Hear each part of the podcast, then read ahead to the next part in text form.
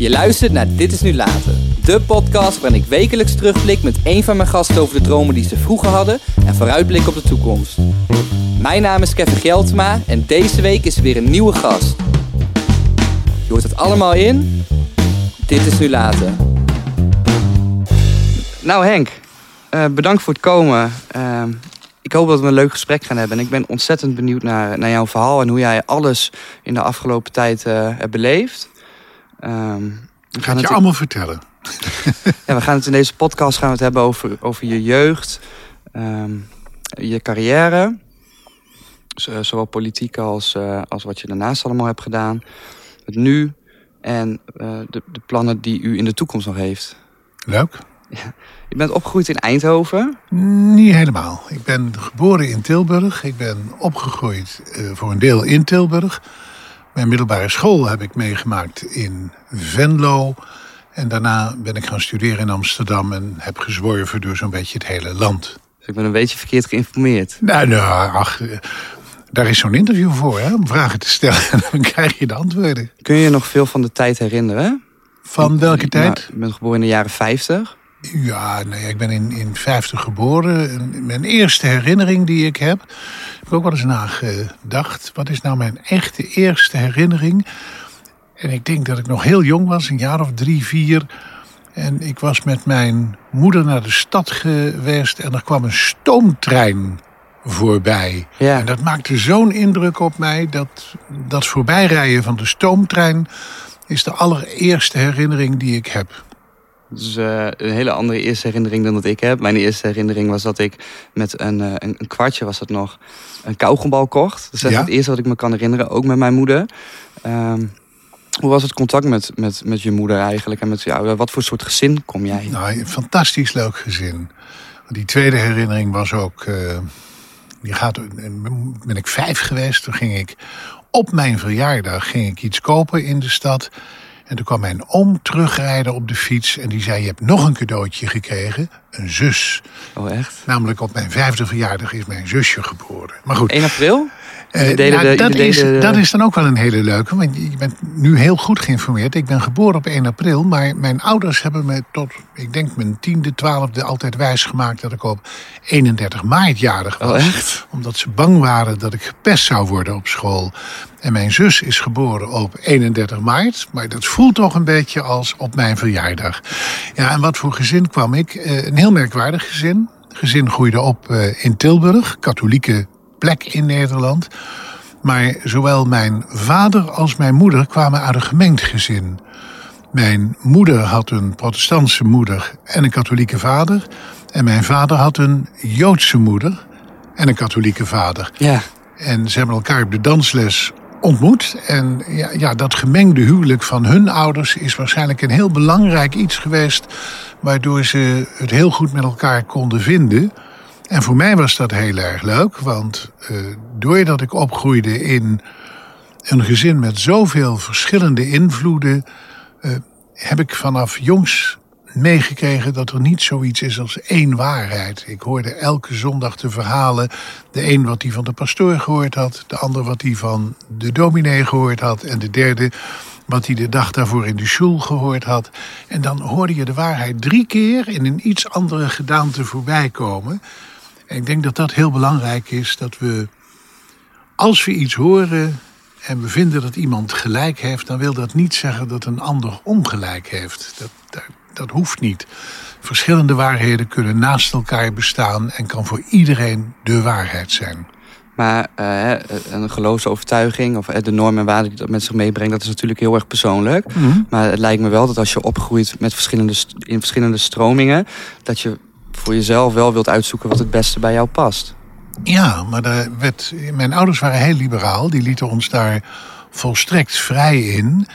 En wat ik wel meegekregen heb, en ja, dat merk je ook, we zitten hier nu in de natuur. Als je ziet hoe mooi de natuur is, is en hoe prachtig alles in evenwicht is, en zijn we dat met z'n allen nu niet een klein beetje aan het verstoren, dan vind ik dat heel belangrijk. En wat daar de drijvende kracht achter is, ik weet het niet.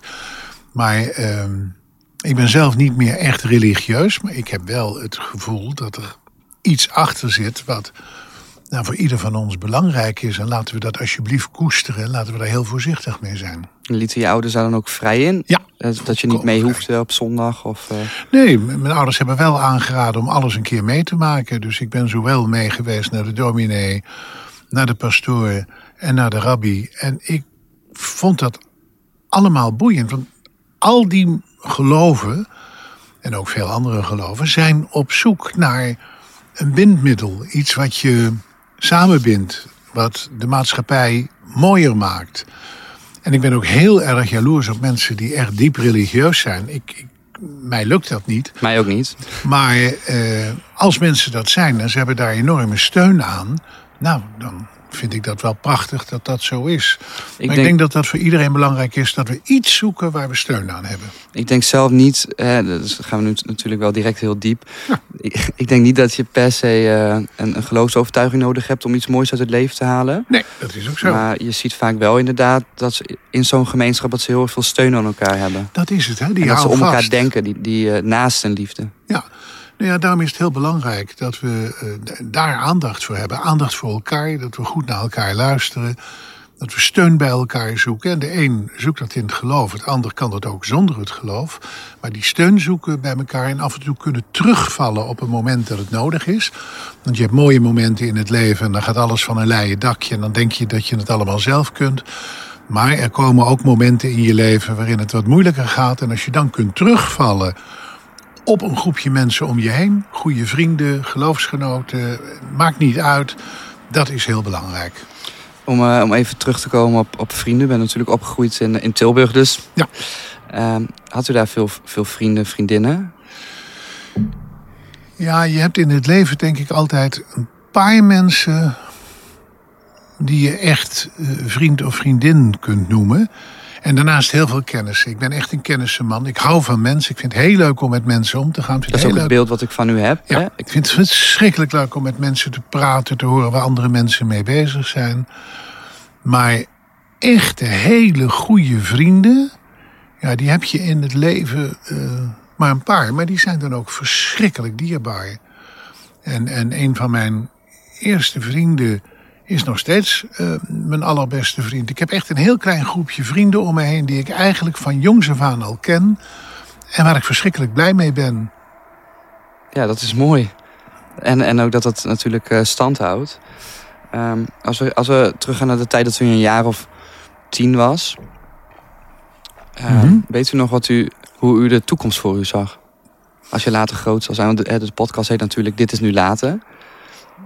Ik ben wel heel benieuwd of u dat nog kunt herinneren.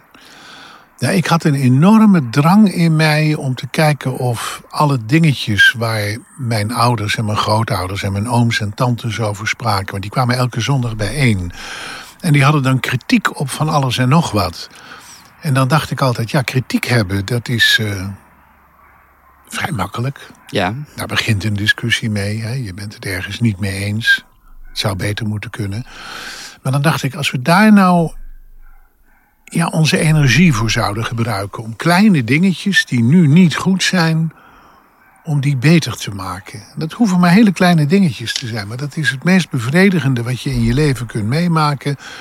Dat je een paar steentjes kunt verleggen. mhm. En eh, ik, ik weet nog dat ik op die leeftijd, tien jaar, een keer... Er waren ze een straat aan het aanleggen bij mij in de buurt. En daar eh, stonden hele grote betonnen putten. Die Ja. moesten nog worden ingegraven, maar dat waren voor de putten riolering. ja. waar de riolering uit zou komen. Groot gat bovenin waar deksel op zou komen. En ik ben een keer een middag in zo'n lege, nog niet in de grond ingegraven put geklommen. En ik kon, terwijl ik daar zat naar boven kijkend, kon ik de lucht zien. En ik heb een hele middag in die put zitten nadenken: wat kan ik nou in de rest van mijn leven doen om de wereld een klein beetje beter te maken? En dat beeld heb ik ook nog steeds voor me: dat naar boven kijken, dat ronde gat waar de putdeksel moest komen. Oh ja? En gewoon een hele middag zitten nadenken. En ik dacht, dat, dat, dat kan nooit veel zijn wat ik kan bereiken. Maar als ik kleine dingetjes zou kunnen bereiken, zou dat wel heel fijn zijn. Klinkt haast filosofisch. Ja, misschien wel. Achteraf is dat zo. Ik ben ook wel zo'n beetje dat ik dat heel erg leuk vind. Ook niet voor niets is Het mooiste boekje wat ik ooit gelezen heb en wat ik iedereen zou aanraden om eens te lezen, is De Kleine Prins. Dat is ook zo'n niet, uh, ja, hoe moet je dat zeggen, een, een makkelijk uh, te lezen filosofisch boek. Sommigen noemen het een kinderboek, maar het is veel meer dan dat. Je kunt het op elke leeftijd lezen en op elke leeftijd lees je een ander boek. Ja. Dat is ook het knappe van dat boek. En uh, ja, dat past ook bij me. Het is natuurlijk ook degene die het leest, hè? Ja, zeker. Daar heeft het natuurlijk ook mee te maken. Maar las u veel? Want uh, kijk, oh, ja. ik, ik groeide op in een tijd. Hè, op een gegeven moment was. Uh, ik groeide op, toen was er al televisie en, en telefonie. Dat, was al, dat bestond allemaal al. U moest vooral lezen, denk ik. Ja, en dat deed ik ook met heel veel plezier. Ik was lid bij de bibliotheek en je mocht op die leeftijd drie boeken mee naar huis nemen.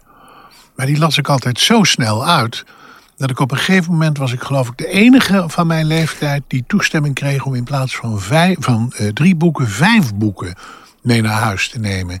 En die had ik altijd binnen een week uit. Ik verslond ze. Ik vond dat zo, ja, zo spannend. En dat had ook te maken met de zus van mijn oma. Dat was ook een vrouw die verschrikkelijk graag las. En die zat in een rolstoel. Die was gehandicapt.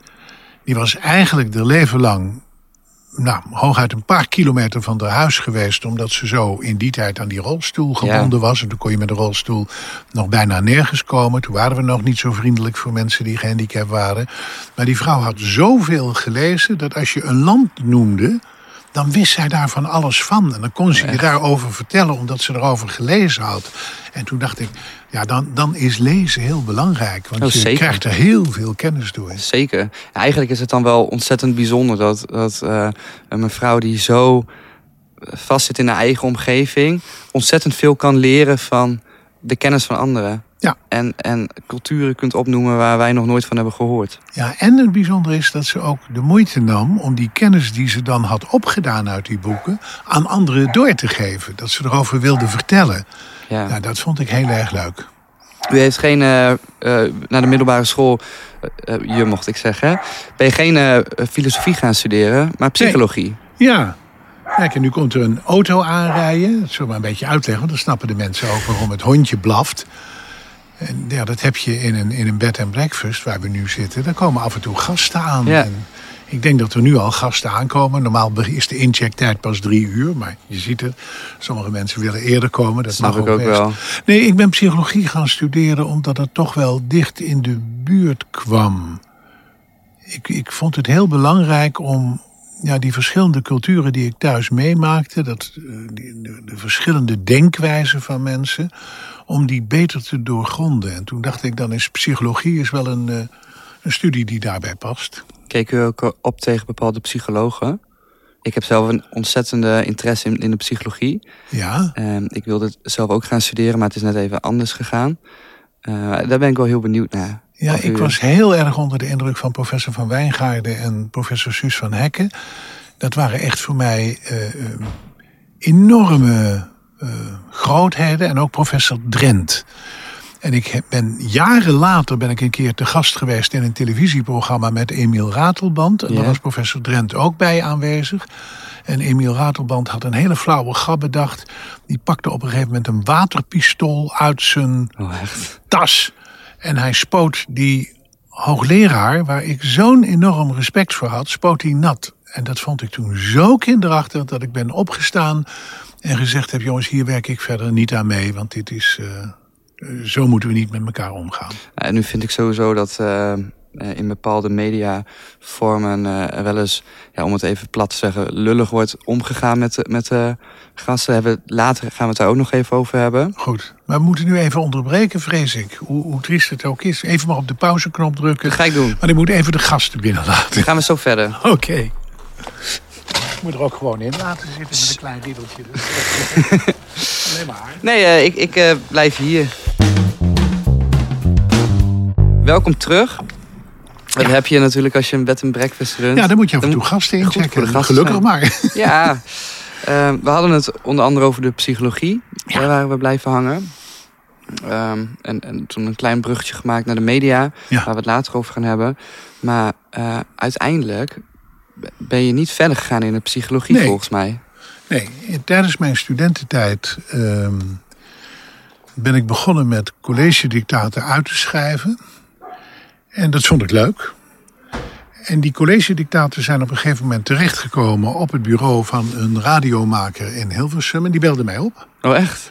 En die zei: uh, Ik ga een populair wetenschappelijk programma maken. waarin ik moeilijke onderwerpen moet proberen zo makkelijk mogelijk voor de luisteraars uit te leggen. En ik heb jouw collegedictaten gelezen. Zou jij mij kunnen helpen bij het schrijven van de teksten van dat radioprogramma? Als redacteur. Als redacteur. En zo ben ik uh, begonnen ooit voor de VPRO om teksten te schrijven. En uh, ja, dat was het begin van mijn journalistieke carrière. Ja. Um, vond u dat ook, ook leuk? Had u eindelijk het idee van, ja, dit is wat ik wil doen? Ja, een journalistiek je, bedrijf? Ja, met, met, met zo'n radioprogramma weet je dat je meer mensen bereikt dan we hier aan deze tafel kunnen krijgen. Er zitten heel veel mensen thuis dan te luisteren. Zeker. En als je die bepaalde uh, dingen kunt meegeven. En dat was leuk, want wij lazen wetenschappelijke rapporten, studies die gedaan waren. En die probeerden we dan te vertalen naar een heel groot publiek. En dan dacht ik, dat is toch geweldig. Want er zijn wetenschappers, zijn jaren bezig om dingen uit te zoeken. Mm -hmm. En dat komt dan in boeken die maar door een klein publiek gelezen worden. En als je dat dan via een middel als radio of tegenwoordig een podcast bij mensen thuis kunt brengen en mensen daar uh, deelachtig van kunt maken, ja, dan ben je toch met iets heel moois bezig. Dus ik vond dat meteen geweldig leuk om te doen. En dat heeft, hoe lang heeft u dat gedaan? Oh, dat heb ik een aantal jaren gedaan, want ik ben van de VPRO later overgestapt de Tros. naar uh, de Tros. En daar heb ik uh, ook dat soort programma's gemaakt. Keerpunt over belangrijke veranderingen in het leven. En uh, daarnaast ben ik per ongeluk een keer bij een theaterprogramma terechtgekomen. Maar vooral dat programma waarin je ingewikkelde problemen op een leuke manier op de radio kon brengen. Ja, dat was iets wat ik erg fijn vond om te doen. En we praten nu denk ik over de jaren negentig. Ja. Uh, uh, wat, kreeg je toen ook respons op de programma's die je maakte? Ja, sterker nog, uh, het programma Keerpunt was het eerste programma in Nederland waar mensen konden inbellen. Oh, echt? Dat is daarna heel populair geworden. Bij ja. elk radioprogramma kan je tegenwoordig Tegenwoordig kun je met inbellen. een appje kun je sturen ja. en... Uh... Het kan allemaal tegenwoordig, maar in die tijd was dat niet gebruikelijk. In die tijd uh, kwamen programma's ook altijd uit een hele steriele studio. En ik weet dat ik bij de, uh, bij de Tros ook wel eens programma's heb gemaakt zoals we dat nu ook doen. In de open lucht, buiten, met achtergrondgeluiden. Mm -hmm. En ja, ik vind dat veel natuurlijker dan... Uh, Hallo, hier is Hilversum. Dat, ik, dat, dan sta je ja, ineens heel ook ver een beetje uit om zo'n ja. hele dikke radiostem op te zetten. Ja, dat is nee, gelukkig, dus dat gelukkig is dat... Gewoon mensen, dat is veel leuker. Nee, maar ja, ik, ik, ik ambieer natuurlijk ook om radio te gaan maken. Ja. Uh, ik moet zeggen, ik vind het toch wel heel... Ja, het geeft een heel spontaan gevoel. Ja. Alsof je vergeet dat de microfoons... Uh, ja, maar zo moet het ook. En dat, dat moet de luisteraar ook in de gaten krijgen. En, en, en als het te steriel is, ja, dan, dan is het een computergeheel. En dan is het niet iets wat echt bij de mensen komt. Via de Tros uh, werd u in 1977, heb ik dat goed, uh, heb ik dat goed opgeschreven...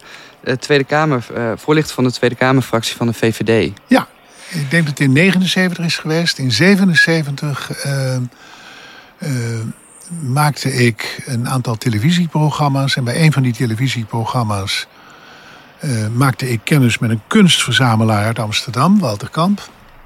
En die belde me op een avond op en die zei... er is in Amerika een heel gek mens. Die wil de rechten van homo's inperken. Anita Bryant. Anita Bryant. Moeten we daar niet iets aan doen? En toen zei ik, nou, het lijkt me prima, laten we eens iets doen. En toen zei hij van, zullen we een heel groot concert organiseren... met alle bekende artiesten uit die tijd... en op die manier geld ophalen om de homobeweging in Amerika te steunen. Nou, fantastisch. 100.000 uh, gulden was het doel, was er nodig om twee advertenties te plaatsen. één in Time Magazine en één in de Miami Herald.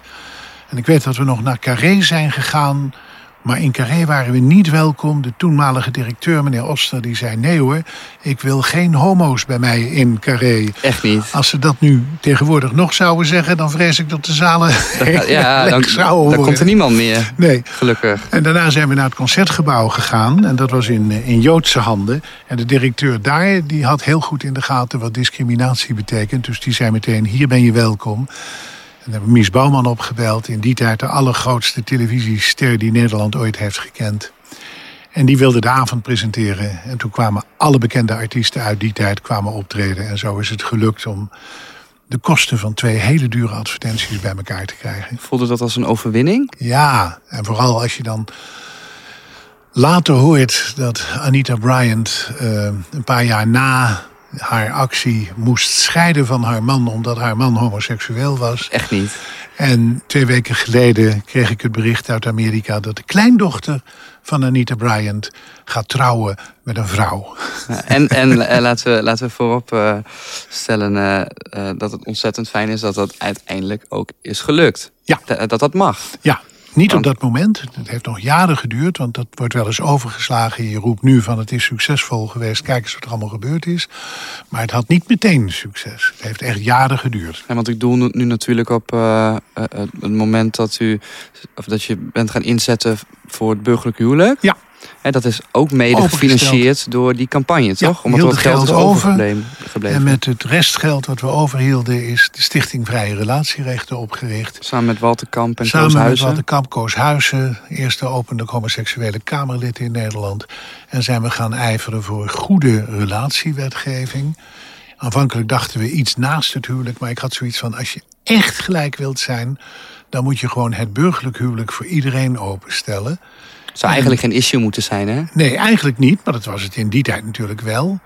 En eh, het, Nederland ging wel heel snel mee hoor. Het heeft jaren geduurd, maar dan nog in verhouding. Ja, want als ik zie dat u daar in 1977 mee bent begonnen met die stichting. En pas in 2001 Is het op het leukste verjaardagscadeautje wat u heeft gehad, denk ik. Ja, ja, was ook op mijn verjaardag, op mijn verjaardag werd het huwelijk opengesteld, zeker. Dan, dan is het best wel een strijd geweest volgens mij. Ja, het ging niet makkelijk. En toch aan de andere kant ook wel. Want laten we heel eerlijk zijn, Nederland was het eerste land ter wereld waar het kon.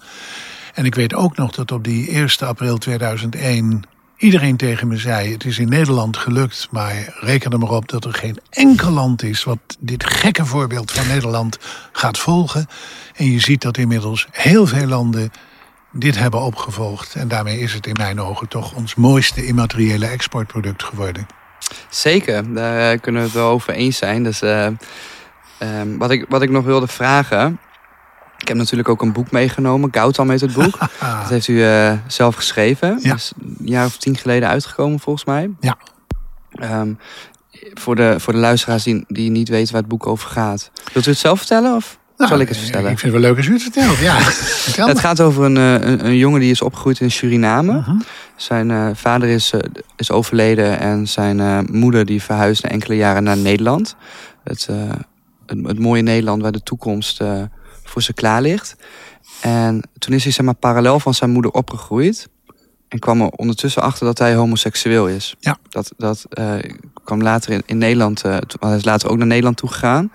Maar toen is zijn moeder hertrouwd met een streng islamitische Zeer man. streng gelovige man. Ja. ja. En uh, Gautam, uh, de jongen waar, waar u over schreef, die komt er dus achter dat hij homoseksueel is. Hij komt er op een gegeven moment ook voor uit bij zijn familie. Ja. En hij, ja, hij wordt mishandeld, gestoken, noem het maar allemaal maar op. Hij wordt, hij wordt weggewenst, hij gaat zwerven op een gegeven moment, omdat de situatie niet meer te houden is. Um, nadat hij uit het ziekenhuis heeft moeten ontsnappen. Hij, uh, hij weet niet waar hij terecht kan. Het leger des hels kan hij niet terecht, omdat hij van de heren is. Ja. Nou ja, niet van de heren, niet maar van, van de heren. Ene heer, maar van ja, juist. de heren. Ja. Um, en hij belandt in de prostitutie. Ja. Terwijl die jongen uh, zwaar minderjarig was, belandt in de prostitutie. Ja. Um, nou, dat is natuurlijk wel een heel lang bruggetje. Ik, ik ben nu het hele nee, boek aan nee, het... Maar, uh, ben nu een mooie beetje samenvatting, ja. Um, wat ik dus eigenlijk wilde vragen is... U bent ook opgegroeid in een andere tijd dan ik. Uh, ja, ik, ik, ik, ik heb zelf nooit meegemaakt hoe het is om in een kast te zitten. Maar ik ben wel heel benieuwd hoe dat in die tijd was. En of het überhaupt geaccepteerd werd. Ja, ik kwam natuurlijk uit een heel liberaal gezin. Bij ons was het geen probleem. Mijn ouders hadden zoiets... joh, als je gelukkig bent, maakt het niet uit waar je van houdt. Als het maar gewoon leuk is voor beide partijen, dan mag je houden van wie je wil. Maar ik had in mijn omgeving, eh, kwam ik heel veel jongens tegen die daar wel mee worstelden. En juist omdat het bij mij geen probleem was en mijn ouders daar heel normaal mee omgingen, vond ik het een taak om andere kinderen die het er wel moeilijk mee hadden om die te helpen. Want als homoseksuele of als lesbienne behoor je tot een minderheidsgroep. En het Ja. vervelende is, dan moet je een soort van weerbaarheid moet je aanleren. En als jij Joods bent, heb je meestal Joodse ouders die je helpen om weerbaar te zijn. Als jij een andere huidskleur hebt, heb je bijna altijd ouders die ook een andere huidskleur hebben. En die helpen jou met je weerbaarheid. Maar dat homoseksuele kind groeit bijna altijd op in een heteroseksuele omgeving. Dus die moet die weerbaarheid van buiten krijgen. En ik vind dat, eh, dat we daar met z'n allen een taak hebben. Dat mensen die begrijpen hoe vervelend het is als je apart wordt gezet op een onprettige manier. Dat we daar met z'n allen eh, onze rug moeten rechten. En dat we die kinderen moeten helpen. Of dat nu is met hun huidskleur, met hun overtuiging, met hun seksuele voorkeur. Help die kinderen. Want die hulp hebben ze nodig. Zeker als die ouders niet vanzelfsprekend eh, datzelfde probleem ooit ervaren hebben. Ik bedoelde eigenlijk meer, eh, eh, het is natuurlijk ontzettend fijn eh, dat, dat er thuis goed op gereageerd werd. Ja. Toen, maar je had natuurlijk ook schoolmeesters en juffen. En de, durfde je daar open te zijn over, over hoe jij je toen op dat moment voelde? Ja, daar heb ik nooit. Ik ben wat dat betreft altijd een, een, een erg dwarsliggend iemand geweest. Ik bedoel, je, voor de waarheid hoef je je nooit te schamen. Als je gewoon jezelf bent en, en je komt daarvoor uit en een ander heeft een probleem, dan is het inderdaad een probleem van de ander en niet jouw probleem. Maar je hebt er nooit last van gehad? Nee, ik heb Uitgescholden? Of... Nee, nee, nee. Integendeel, ik heb nee. Ik heb daar nooit, nooit last van gehad. Ik ben één keer bang geweest dat ik dacht dat ik gediscrimineerd zou worden. En dat bleek toen absoluut niet waar te zijn. Dat herinner ik me nog heel goed. Dat ik moest overstappen op het station in Den Bosch, s'avonds na twaalf. Een Mhm. heel donker station met een loopbrug heel hoog. Hoe lang is dit geleden? Maar dat is een jaar of eh, vijftien geleden. Ja.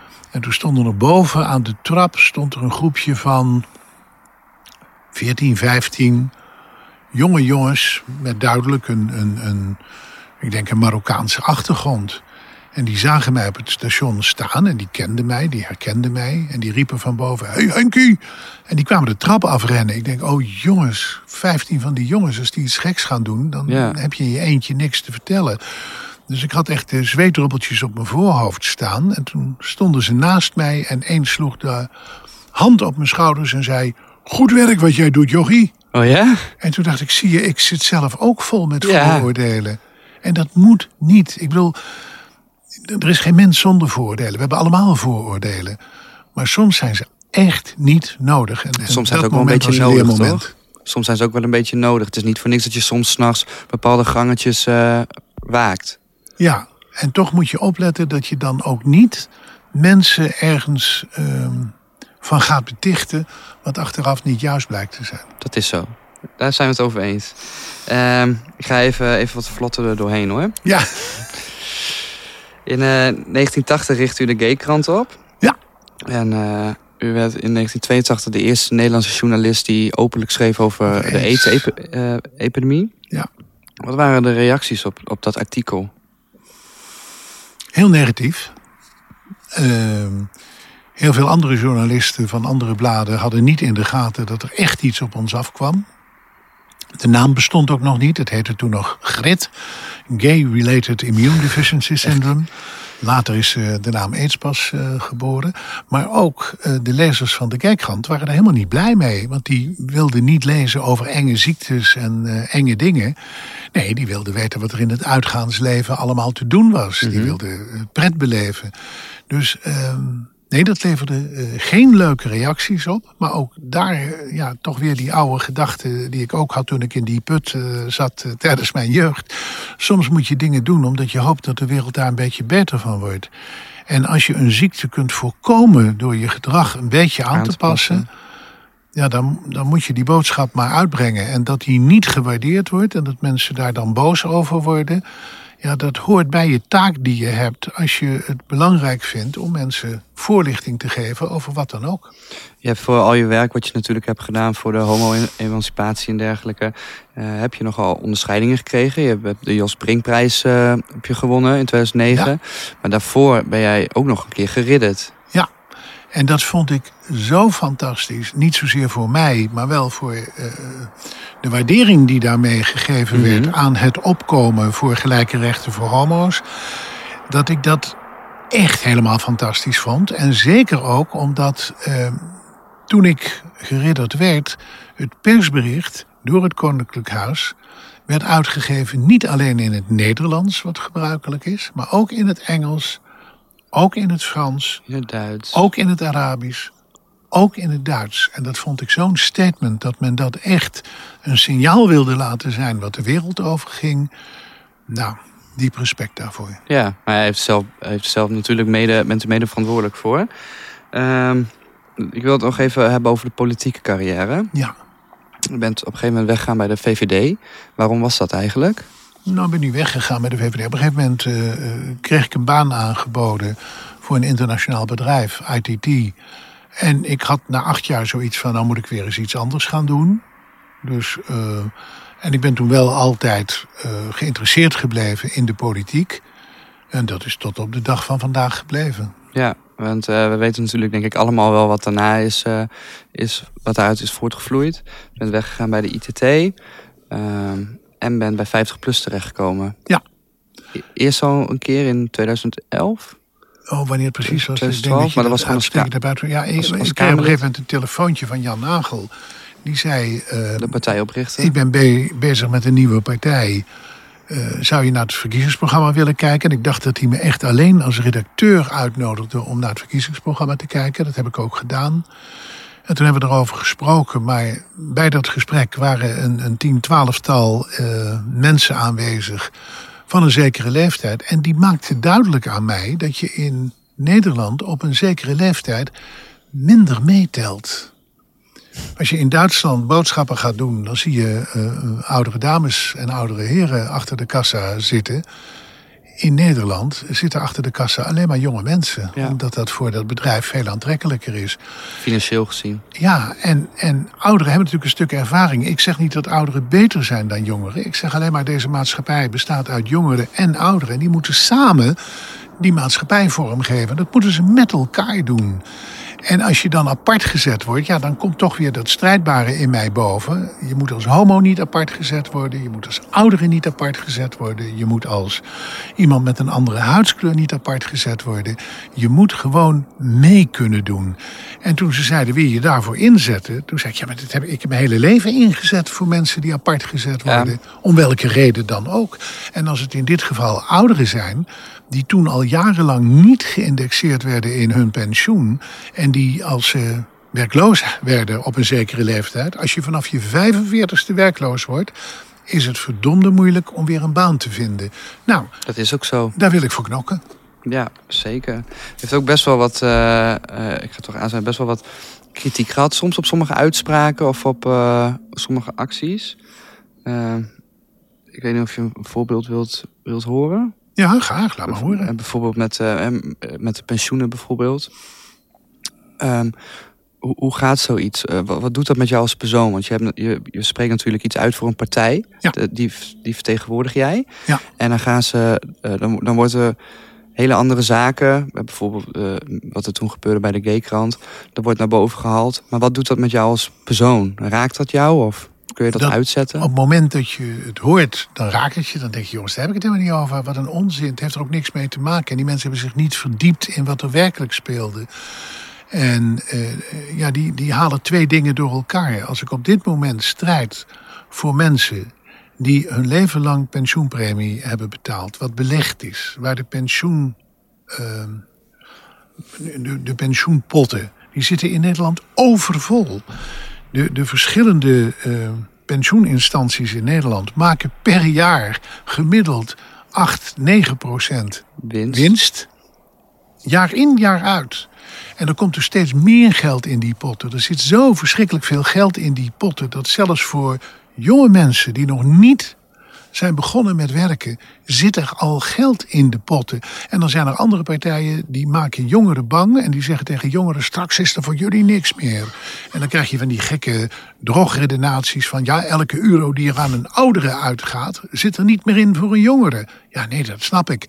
Maar die mensen hebben ook recht op, uh, op een goed pensioen. Maar je moet er juist voor zorgen dat er voldoende geld in die potten zit voor oud en jong. Maar die ouderen, die leeft over een aantal jaren niet meer.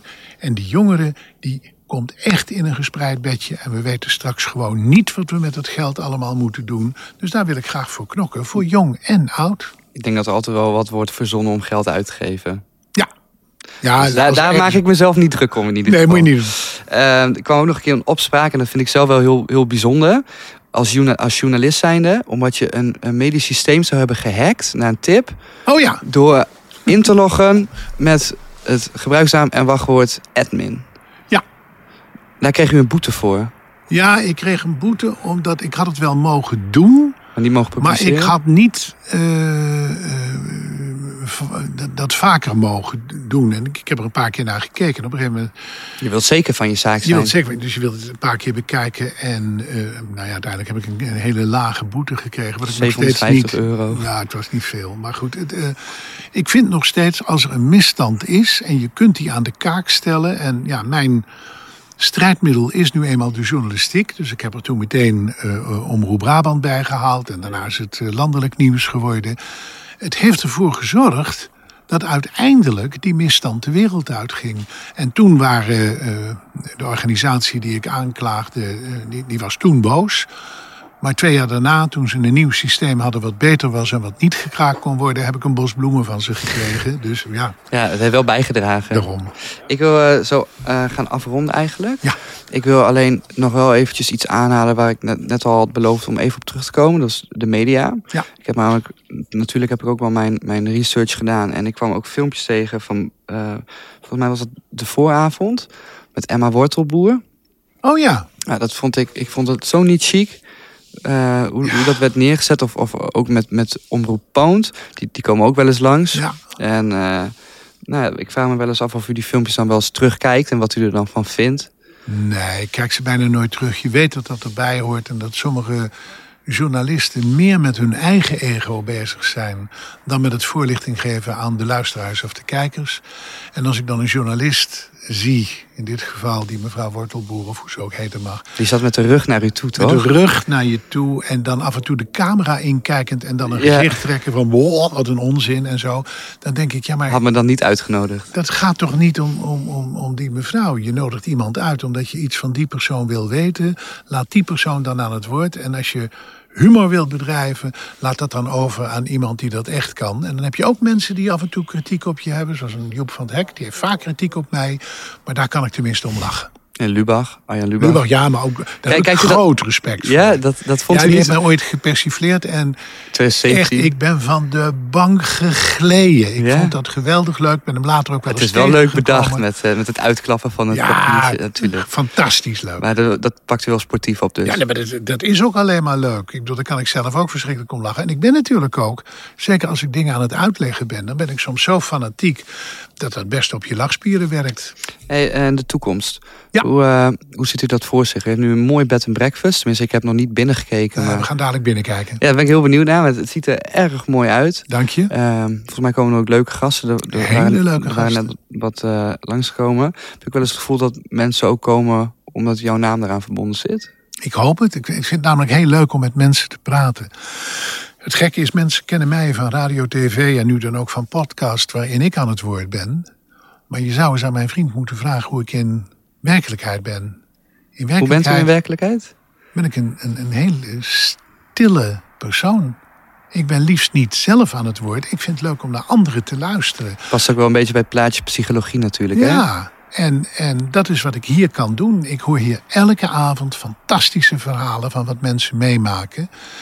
En dan gaat er ook weer ergens een beetje een politiek eh, vlammetje in mij branden. Want dan denk ik, oh, dat is ook nog niet goed geregeld. Oh, daar moeten we ook iets aan veranderen. Ja. Oh, Die activist in u blijft altijd aangewakkerd. ja, en dan hoef ik het niet zelf te doen. Maar als ik dan nog steeds goede kennissen heb in Den Haag die er iets aan kunnen veranderen. Dan neem ik heel graag de telefoon en dan bel ik heel graag op. En dan zeg ik, joh, wist je dat dat en dat niet goed geregeld is? En dan hoop ik dat we nog steeds kleine steentjes kunnen verleggen. Ik beloof zeker een keertje terug te komen met mijn vriendin. En dan eh, gaan, we, gaan we discussiëren. Zonder Gaan we doen. Lijkt me leuk. Mag ik je heel erg bedanken? Nee, jij bedankt. Leuk dat je die moeite genomen hebt. Helemaal hier naartoe gekomen. nou, dat valt wel mee. Dat is eh, twee uur goede muziek luisteren en, eh, en dan zijn we er alweer. Goed. Bedankt. Graag gedaan.